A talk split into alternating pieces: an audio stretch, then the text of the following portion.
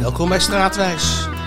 En de grote vraag is vandaag, waar zijn Marcel en Theo in Den Haag? Je hebt er straten, pleinen, wegen, maar ook raden, gaarden, horsten, parken, lanen en het hof van de oranje vorsten. Hoor ik al die Haagse klanken, het geluid van wind en zee, dan moet ik bijna janken. Zing het straatwijsje maar mee. Ik ken wel duizend Straten, Het ruisen van de zee. Als ik Den Haag ooit moet verlaten, reist die stad toch met me mee. Ik sta vaak op het duin te kijken, vol blijdschap naar omlaag. Sta mijn eigen te verrijken. Wat is er mooier dan Den Haag? Ja, wat is er nou toch mooier dan Den Haag? Ehm, mijn naam is Marcel Vrek.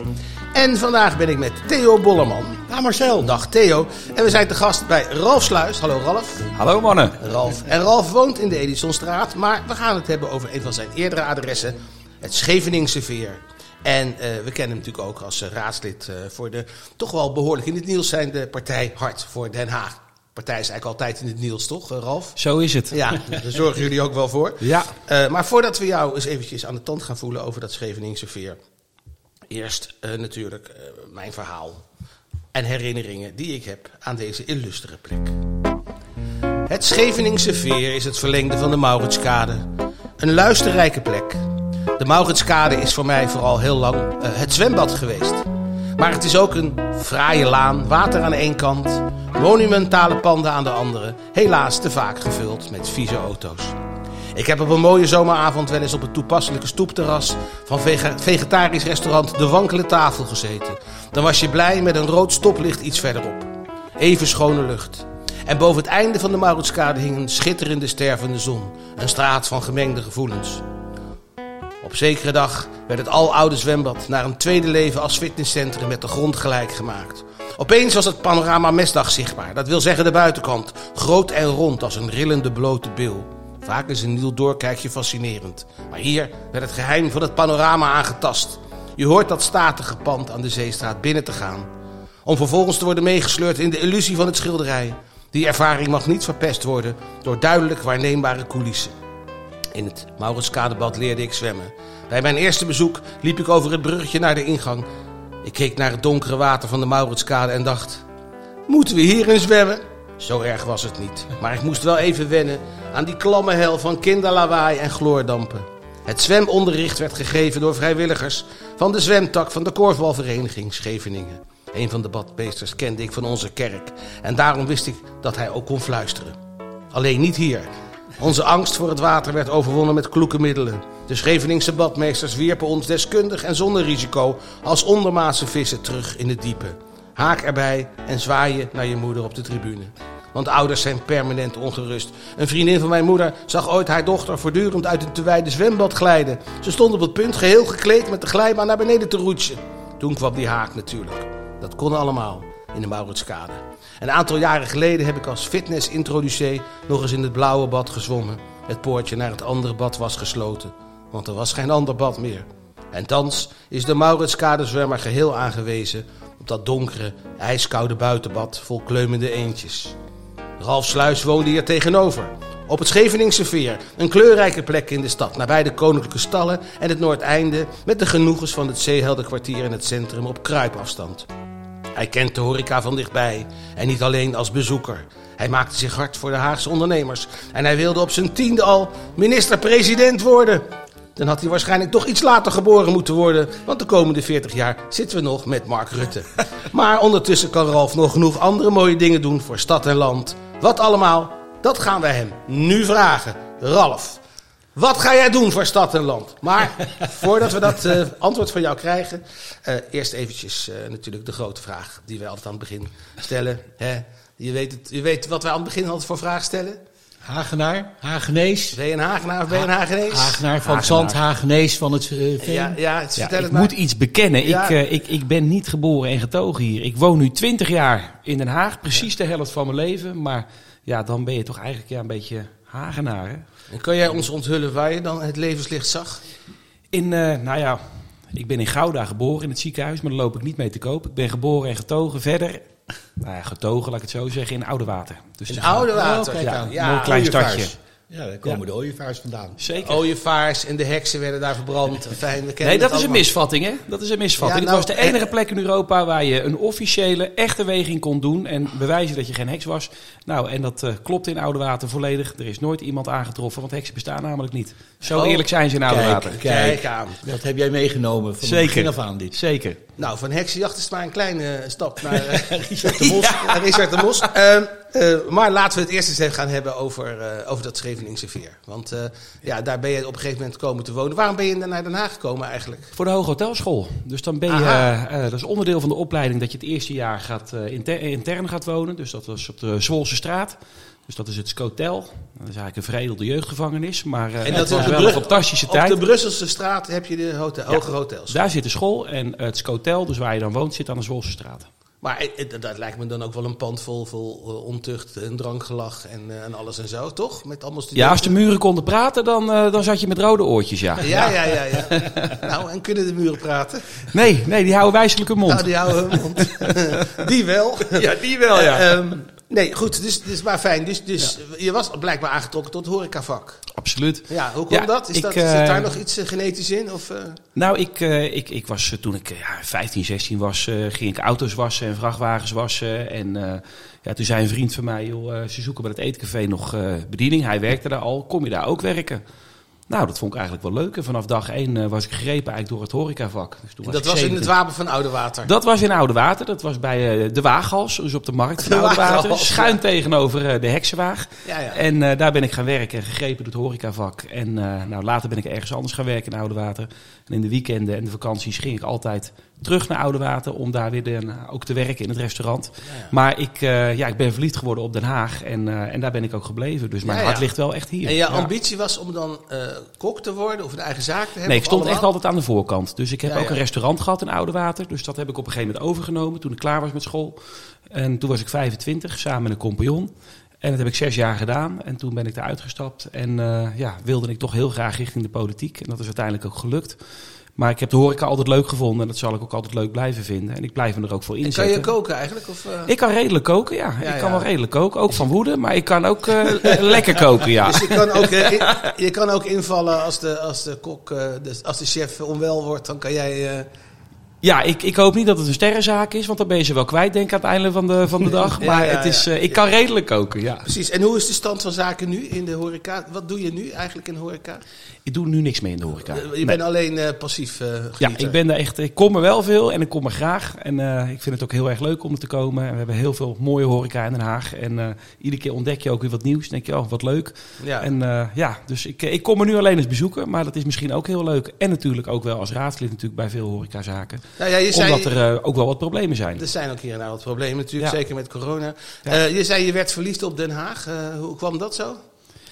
Ja, ik ben altijd meteen gegrepen. Want je begon net dat ik op mijn tiende graag eh, minister-president wilde worden. En toen heb Ja. ik een brief geschreven, ook aan Ruud Lubbers. En die nodigde mij toen ook uit. Ik heb een brief teruggekregen. En die nodigde mij toen uit om in de Tweede Kamer te komen kijken met mijn ouders. En ik ben toen met mijn vader daar naartoe gegaan. En dan hebben we onder het plein geparkeerd. En nou kwam ik naar buiten. En nou, ik was meteen verliefd op Den Haag. Want ik zei, kijk eens papa, dit is de enige stad waar ze gouden letters hebben op de straatnaambordjes. Dat vond ik toen zo bijzonder. En dat vind ik eigenlijk nog steeds. En ik ben altijd is niet meteen... overal, eh, moet ik er wel even bij vertellen. Ja, en dat eh, niet overal. Nee. Inderdaad, maar de, natuurlijk de mooie zwarte bordjes met de gouden letters en de gouden Ja, ja, ja, ooievaar de- erboven. de dat vond ik toen meteen, ja, de wegwijzers inderdaad. wegwijzers, ja, die- de wegwijzers. Ja, Waarvan net ook gebleken is dat ze vaak helemaal de verkeerde kant opwijzen. Exact, Toeristen ja. totaal in de war. ja, ja, maar ik, Maar dat is natuurlijk ook de bedoeling. Hè? Je moet de toeristen helemaal suf maken en dan kunnen ze daarna Komen bandeloos... ze ook nog eens ergens anders. dat is net als in de supermarkt. Dan loop je overal langs en dan ga je uiteindelijk meer kopen dan dat je wilt. Maar dan zien ze de hele stad. Ja, de- ja, dat is oh, heel het, is, goed. het is doordacht. Zo is het. Precies, dat zijn die strategieën. Oké, maar je was dus verliefd op Den Haag en je was dus eh, verliefd op de politiek eigenlijk. Ja, hè? meteen. Eh, maar in die tijd bestond, bestond eh, Groep de Mos of Hart voor Den Haag bestond natuurlijk niet. Dus, Nee. dus waar, waar konden we jou dan vinden? Was je ergens bij aangesloten? Nee, ik heb altijd de landelijke politiek heel interessant gevonden. Ja? Dus dat heb ik ook altijd gevolgd. En eh, nou ja, dat, dat, dat vind ik nog steeds heel leuk om te volgen ook. En eh, de lokale politiek is echt wel wat later gekomen. Dus dat is eigenlijk in 2016, 2017 is echt die interesse daar ook gekomen. Ik heb heel kort bij de VVD gezeten, de Haagse VVD. En uiteindelijk toch de overstap gemaakt naar eh, destijds Groep de Mos nog. En, En waarom heb je dat gedaan? Eh, Dat paste mij iets meer. Ik heb bij de VVD een, eh, echt een leuke tijd gehad. Ik heb me ook zeer welkom gevoeld. Het is een, eh, het is een club met leuke mensen en gezellige borrels. Dus Ja, dat, allemaal, kunnen ze wel natuurlijk. dat kunnen ze goed. En een lekker bitterballetje erbij. Dus het is altijd gezellig. Ehm, maar ik merkte wel dat in de gesprekken die ik daar had... dat ze zeiden van ja... Waarom ga je de politiek in? Waarom zou je dat willen? Nou, ik had grote moeite met eh, bijvoorbeeld de bloemenkiosk destijds op de Mauritskade. Eh, daar, is toen weg, eh, daar is toen aan de weg gewerkt. Dat zou volgens mij een week of drie duren, of hoogstens een maand. En dat duurde volgens mij een half jaar of langer. Dus die man is toen helemaal, Le- Petit heet hij. Die is toen helemaal in de piepzak geraakt. En ik dacht, ja, dit kan toch niet waar wezen dat, dat dit gebeurt. Ja. En dat was voor mij eigenlijk wel een reden nou ja, om ook wel de politiek in te willen. Om ja, dat soort problemen wel op te kunnen Maar dat, lossen. dat, dat vond je bij de VVD niet zoveel... Nou, toen zeiden ze bij de VVD, toen ik dit voorbeeld aanhaalde, van ja, maar je begrijpt het niet. Wij gaan namelijk over alle lantaarnpalen in de stad. En niet over eentje. Ik zeg maar, als er eentje nou niet brandt, dan wil je er toch voor zorgen dat hij het weer gaat doen. Ja. Nou, dat zag ik helemaal verkeerd eh, volgens eh, de mensen van de selectiecommissie. Nou, toen las ik een artikel over Richard de Mos. En daar eh, las ik een, nou ja... Die de- eh, op alle lantaarnpalen... ja, en ik heb dat toen ik in de documentaire vertelde. Ik las een Turkse ondernemer, een Hindoestaanse ondernemer, een Marokkaanse ondernemer, een Hollandse ondernemer. Die allemaal zeiden, ja, ze kunnen lullen wat ze willen over hem. Maar hij neemt zijn telefoon op en doet in ieder geval een poging om Ja. het op te lossen. Het probleem wat wij hebben. Ik dacht, ja, dit is hem. Ja, Dus die manier van politiek bedrijven, die past mij meer. Precies. Daar, we zijn natuurlijk toch even op een punt aangeland. eh, eh, we praten jou op het moment dat het proces nog in volle gang is. eh, dat we het daar toch heel even over, over moeten hebben. Nou, Richard heeft inderdaad altijd de telefoon opgenomen. Misschien had hij het soms even een paar keer niet kunnen doen. Ehm, ja, de stand van zaken is eigenlijk nu dat er beschuldigingen zijn geuit. ook door het Openbaar Ministerie. Hoe voorzie jij, laat ik even een algemene vraag stellen. Hoe voorzie jij het verloop van het proces? Ja, ik heb alle vertrouwen in een goede afloop. En ik ben daar ook wel in gesterkt in de afgelopen week. In de eerste week natuurlijk, waarin ook eh, een deskundige gehoord is. Eh, de heer Voerman, eh, expert op het gebied van partijdonaties in Nederland. En die ook aangegeven heeft dat er geen regelgeving is ten aanzien van ja, de, het werven van fondsen voor lokale partijen. Precies. Van Zanen heeft eigenlijk zich ook in die documentaire in Napels bij de Noordzee daar ook achter geschaard. Heeft gezegd ook lokale partijen moeten fondsen kunnen hebben. Ja, dat is ook het standpunt Ja. van, van meneer Voerman. Natuurlijk ook over niet, eh, eh, wat er ook wel gebeurd is. Hè. Er zijn natuurlijk ook dingen gebeurd. eh, even bellen met iemand die, als je wethouder bent en zeggen van je moet je inschrijven. Dat kan natuurlijk niet. Hij heeft dat gedaan op het moment dat de link ook online stond. Die link heeft hij ook doorgestuurd. Je kunt hem gaan aanvragen. Nou, ze zijn er jaren mee bezig geweest, met elkaar ook. Daar is ook nooit, dat is ook nooit onder stoelen of banken geschoven. Ze hebben ermee in de media gestaan. Ze hebben altijd gezegd, we willen heel graag die nachtvergunningen. Omdat Dus, mensen, dus eh, het, niet, het is niet gebeurd eh, op het moment dat, hij nog niet, dat het nog- mensen het nog niet konden weten. Nee, de link stond al op maar de hij website. is natuurlijk wel een beetje doorbevoordeeld. Eh, nee, uiteindelijk niet. Omdat er, en dat heeft Richard ook van de week heel erg goed uitgelegd. Er zijn, het plan was ook eh, om dat te doen bij eh, locaties groter dan 1000 vierkante meter. Nou, als je de markt een beetje kent, dan weet je dat zijn 10 plekken in Den Haag op dat moment.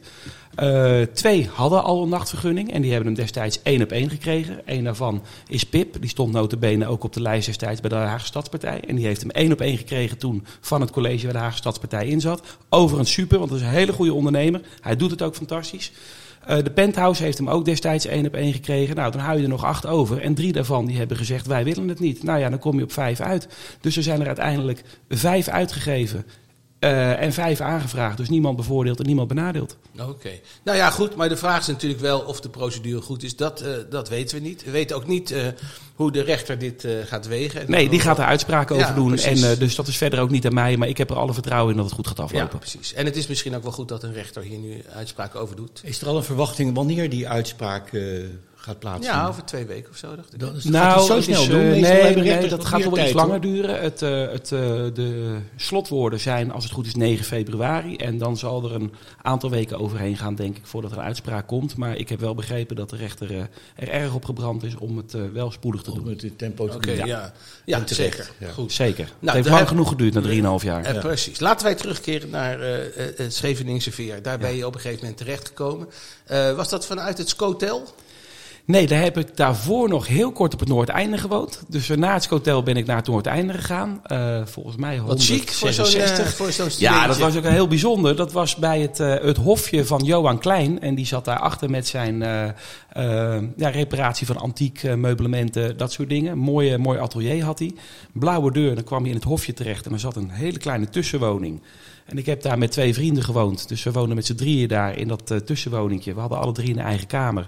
Ja, en dat is inderdaad heel chic natuurlijk. Dat je op lijkt het woont als Een student. groot feest, lijkt me dat. Ja, dat was het ook. En toen ben je naar Scheveningse Veer gegaan. Ja, daarna ben ik naar het Scheveningse Veer En toen gegaan. woon je op jezelf of zo? Of, eh, een- een- Nee, trouwens heb ik nog heel kort op de Badhuizenweg gewoond.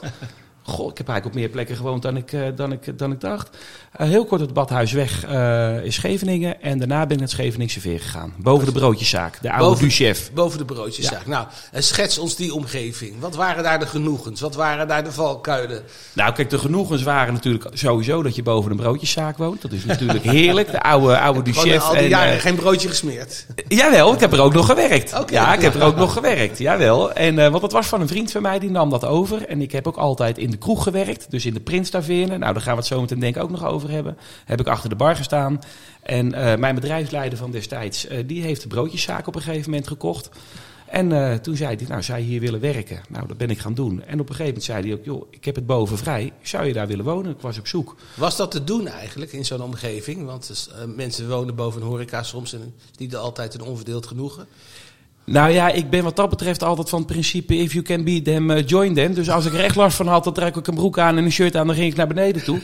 en eh, ja, je weer een gezellige avond. dan ga je het maar gezellig maken. Maar ik heb Ja. er over het algemeen geen last van gehad. Nee, dat is, eh, daar wen je aan. Of ben je dan gewoon ook een beetje door je horeca-achtergrond... ik denk kan het je wel. iets en ik, meer heb- hebben? ik kan iets meer hebben. En ik heb daardoor misschien ook een iets groter incasseringsvermogen gekregen. Ik van ja, als je weet dat je boven een kroeg gaat wonen... dat doe je willens en wetens. Dan eh, kun je er weinig van zeggen natuurlijk. nou, jij had het over de Prinstaverne. hè? Theo, daar had jij het een en ander over te melden. Nou ja, kijk, de Scheveningse Vier is maar een heel klein stukje straat. Hè? Ja. Dat is, dit is heel bijzonder. En waarom heet dat zo? Heel bijzonder. Vraag ik dan meteen. Ja. af, hè? Nou ja, over tavernes. Het is wel zo dat daar op de hoek is, eh, was de, vanaf 1630 de oudste eh, kroeg van Den Haag, de, de Groene Valk. En dat is later eh, de Springbok eh, restaurant of zoiets. Wat, nou goed. Ja, dat was een soort sportcafé, Springbok Bar. ja. Ja, ja, Springbok is de Zuid-Afrikaanse associatie natuurlijk. Maar het is natuurlijk logisch dat daar een, ja, een, gelegenheid was. Hè, toch? Absoluut, want daar stond de koets, de wagen. De Scheveningse veer is natuurlijk niet de veerpont. Maar het was de koets die heen en weer reed over de nieuwe. Zeestraat naar Scheveningen. Aha. Oftewel wat wij nu kennen als de Scheveningsweg. Zeker. Dus dat is het eh Scheveningse veer. En logisch dat daar dan mensen uitstappen en gelijk weer wat willen als Sebastian pakken, weet ik. Ja, zeker. Dus dat, is- maar ik wou nog even over het Mauritskade zwembad zeggen. Dat Ja. was wel het eerste overdekte zwembad van Nederland. Kijk aan. Ik denk 18, nou, we moeten een beetje gokken hoor, 1888 zo. Ja, mooi. Ja. Ja, dus het eerste overdekte zwembad. Want wij hadden natuurlijk niet goed stromend water in Den Haag. Eh in tegenstelling tot de? Rotterdammers en de Amsterdammers. Ja. Eh, wij moesten het hebben van, de, van het kanaal naar Scheveningen... waar de eerste zwemles werd gegeven in 1843... op het plekje waar nu de bootjes vuurd worden. En dat heet al het Verversingskanaal. Dus, eh, ja, nee, dat is het andere. Nee, sorry. Nee, dat is het, nee, het kanaal naar Scheveningen is van de binnenhaven. Ja. Langs Madurodam. Ja, ja, ja, tuurlijk. Ja. En Westbroek Park daar. Ja, nou goed. zeker. Ehm, ja, Scheveningse Veer. dus de Scheveningse weg, daar, daar gaat het natuurlijk om. Dat is ontzettend belangrijk. Eh Constantijn Huygens, volgens mij wordt die nog zo meteen gememoreerd. Zeker wel. Die heeft dat al verzonnen in 1653 dat er een, eh, een weg van Den Haag naar Scheveningen moest komen in plaats van het geploeter door de zandduintjes. Ehm, alleen dat werd eh, als onmogelijk geacht, want iedereen dacht het heeft geen enkele zin om daar een klinkerweg neer te leggen. Want dat wordt gelijk overstuifd door het zand, het waaiende zand en de duinen, dus het geeft geen zin. Eh, maar hij heeft het toch gedaan en in zijn ontwerp eh, heeft hij twee wallen aan de zijkanten. Vrij hoge wallen, zodat het zand kan worden tegengehouden. Nog steeds als je naar eh, Scheveningen gaat, over die Scheveningsweg, aan je rechterkant, eh, kan je nog steeds de restant van die wallen zien. Ja, daar gaat het fietspad overheen. Ja, En ja, aan, de, aan de linkerkant staat natuurlijk de muur van het, eh van Daar- het Zorgfietspark. ja, Ja, Dat staat ook een beetje op een verhoging. ja, ja. Ja. Ja, dat is wel mooi. Nou, er was natuurlijk, eh, als je dan naar Scheveningen ging, kon je ook nog verheugen. Vele eeuwen lang over het Galgenveld. Dat is, eh, je weet, dat is er nu eh, is er zo'n zandspeelplaats hè, voor de kinderen daar Ja, aan de ja, ja. rechterkant bij Jacob van Spuiweg. Ja. Maar dat was daar 100 meter verderop, het Galgenveld. Dus daar bleven de lijken ook hangen. Dus daar kon je ook echt van genieten hoe zo'n lijk Ja, dat langzaam maar zeker een geraamte werd. Hè, dat was toch heel leerzaam voor de mensen ook. En enigszins afschrikwekkend ook. Dacht het wel. Ja, Ja, daar wil je niet hangen natuurlijk. Nee, dat, dat wil Nee, je niet dat hebben. niet. Nee. Het was natuurlijk een tolweg, maar gelukkig dat de vissersvrouwen die mochten gratis over de Scheveningse weg. De poort staat er nog, hè, van de tol. De eh. poort, ja, die van die tol die is verschoven. Hè? Die Ja, ja, is die iets, verderop ja. neergezet. Gezet. Dus, eh, nou, en dan wil ik er ook nog wel, ja, je kan er heel veel over vertellen, maar ik wil op zijn minst nog zeggen dat eh, de eerste Nederlandse tramlijn, dat was op de Scheveningse weg. Dat was Ja. dan een paardentram natuurlijk, Ja. 1864. Eh, maar ik kijk naar Marcel, want ik weet niet hoeveel tijd ik nog heb, maar ik kan nog een tijdje doorgaan met een gedicht van Constantijn Huygens. Nou, dat, laten we dat eh, nog even Oké, bewaren mag ik- tot dadelijk. ja. Eh, want eh, we gaan in eerste instantie natuurlijk even naar onze fameuze rubriek. En Ralf zit al helemaal te glunderen. Quizje! En die gaat uiteraard over de Scheveningse veer. Eh, het is eigenlijk een hele makkelijke opgave dit keer. We zoeken een eh, andere straat met veer erin en een andere plaatsnaam. En als je het weet, eh, mag je het nog niet zeggen. Ik zie hem denken, kijk hem eens denken. Ja, hij weet het, het kwartje viel. Dat, zo dadelijk.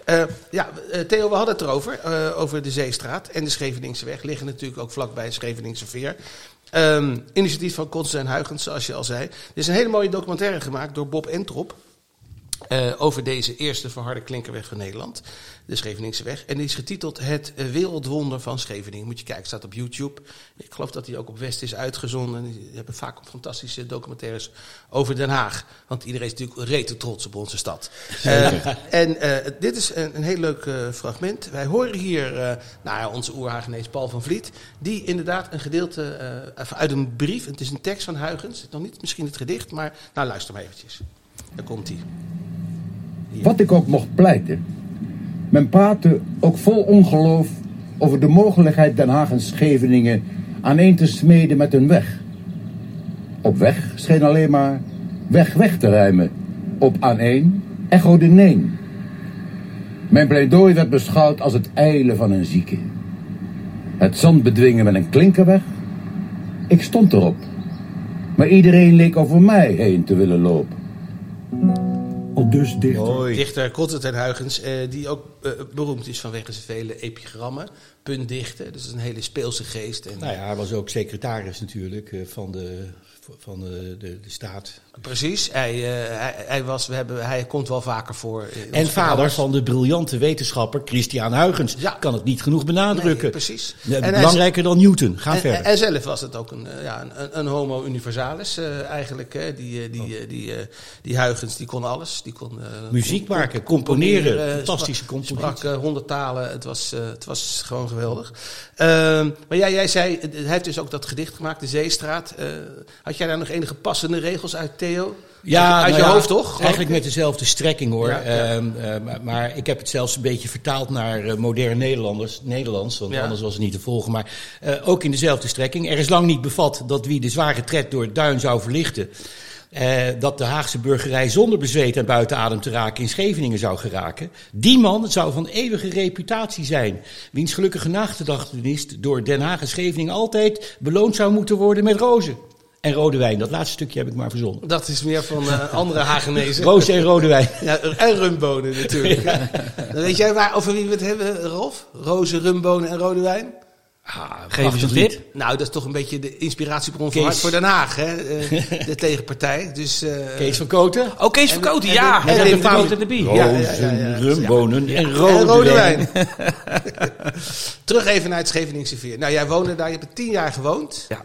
Eh, nou, je woont nu ergens anders. Had je er niet willen blijven wonen? Of, eh, Eigenlijk wel. ja, ja. Ja, als je me diep in mijn hart kijkt wel. Ik was daar echt... eh, ik ben hier ook gelukkig, maar ik was daar wel echt heel erg gelukkig. Ja, ik vond Ja. het een onwijs fijne plek. Inderdaad, je, je bent zo in de stad, je bent zo in het Zeeheldenkwartier. Ik vond het heerlijk om lekker in het raamkozijn te kijken en dan met de ramen open en Nee, rond vijf uur kwam natuurlijk alles weer op gang. En dan stond het vast en getoeter. En er gebeurde altijd wat. Heerlijk, Ja, ja. lekker kijken. Want daar wonen niet, niet eens zoveel mensen in de buurt, denk ik. Nee, helemaal niet. Ik had geen buren links, ik had geen buren rechts en niet beneden en boven. Dus ik had ook altijd feest. Het was altijd gezellig bij mij thuis. En, Dus eh, jij moest, toen je hier kwam wonen in de Edelsonstraat, even wennen dat je buren had? Of, eh, Nou, de eerste avond, toen hadden wij gewoon lekker een drankje gedaan hier. We hadden drie tafelen in elkaar gezet en eh, muziekje aan. En Ja. eh, nou, toen zeiden de onderburen al, eh, had jij een feestje gisteravond? Ik dacht, nou, ja, ja. Maar, het zijn andere tijden. Nou ja, precies. Nou ja, goed. Maar dat is dan Ja. eh, even een klein mini-ombudspolitiek. Gewoon even regelen of, dat het goed gaat. Zo is het. Ik heb gewoon ja gezegd. en, en sloffen aandoen. De, de, we vragen ook altijd, hoe, hoe, hoe zie je dat zo'n wijk zich ontwikkelt? Wat zie je voor dat gebied Noordeinde? Ik bedoel, de middenstand heeft het natuurlijk een beetje moeilijk. Eh, Ja. ehm, hoe zie je dat gebeuren? Krijg je daar leegstand? Krijg je daar... Ja, dat krijg, dat krijg ik wel heel erg mee. Ik heb Ja. het wel inderdaad ook zien veranderen. Het is natuurlijk het Hilton aan de overkant gekomen. Daar stond toen altijd een heel ongezellig grauw kantoorgebouw. Nou, dat hebben ze... ehm, Dat eh, zorgt voor wel voor levendigheid natuurlijk. Ja, dus dat karkas hebben ze eigenlijk laten staan. Toen is het Hilton daar eh, ge- eh, gekomen. Dat zorgt zeker voor levendigheid. Het zorgt ook dat die hoek er veel mooier uitziet. Maar het Noordeinde, ja, dat heeft het best wel moeilijk. Het is natuurlijk altijd een straat met veel galeries. eh, Maar je ziet ook nu ander type winkels en dat is ook goed. Maar ja, je ziet wel dat het Noordeinde wel heel erg aan het... Het moet geen eh, Nutella-straat eh, worden. Nee, dat, dat, nou, daar ben ik soms wel eens een beetje bang voor. Kijk, Ja. Noordeinde heeft natuurlijk wel een bepaalde grandeur en een bepaalde uitstraling, met name in naam. Maar ik, eh, de faam is af en toe wel een beetje weg. En dat is zonde, want het is een hele mooie straat. Maar het is ook een moeilijke straat. Nou, op dat gebied verwachten wij natuurlijk een hoop van jullie. Absoluut. En wij moeten nog wel eventjes, Theo, eh, de eh, en Ralf, eh, hè, de oplossing van het... Quizje. Ja, ja, ja, ja, ja. Het ging erom eh, om, om een straat die, eh, veer, met veer in de naam en een andere plaatsnaam. Nou, Ralf, heb je een idee? Nou, Amsterdamse veer. Ja, heel Ja, goed. Ja, ja, ja. hij kent zijn stad. Zullen we hem dan maar tot Hagenees uitroepen, Ik Theo? denk het wel dat hij nu een officiële medaille kan krijgen. Oké, dan vond ik het ontzettend leuk dat we hier eh, bij jou mochten zijn. Eh, sterkte met alles eh, wat je wil doen Dank voor onze stad verder. Eh, Theo bedankt. Stichting Luizende Pels bedankt die deze opname mogelijk maakt. En het Scheveningse Veer voegen wij toe aan ons firmament van schitterende Haagse straten. Waartoe onder andere ook behoren... Groothertoginnenlaan, Paul Krugerplein, De boulevard, de Leijweg, Papa Verhoofd verhaal, waar de kazernestraat dichtbij ligt. Pomonaplein en Schuddegeest. De poten, alle twee, Oranjeplein, Doublehetstraat. zie het straat, wijs je maar mee. Ken wel duizend Haagse straten, het ruisen van de zee. Als ik Den Haag ooit moet verlaten, reist die stad toch met me mee. Ik sta vaak op het duin te kijken, vol blijdschap naar omlaag. Sta mijn eigen te verrijken, wat is er mooier dan Haag? Wat is er mooier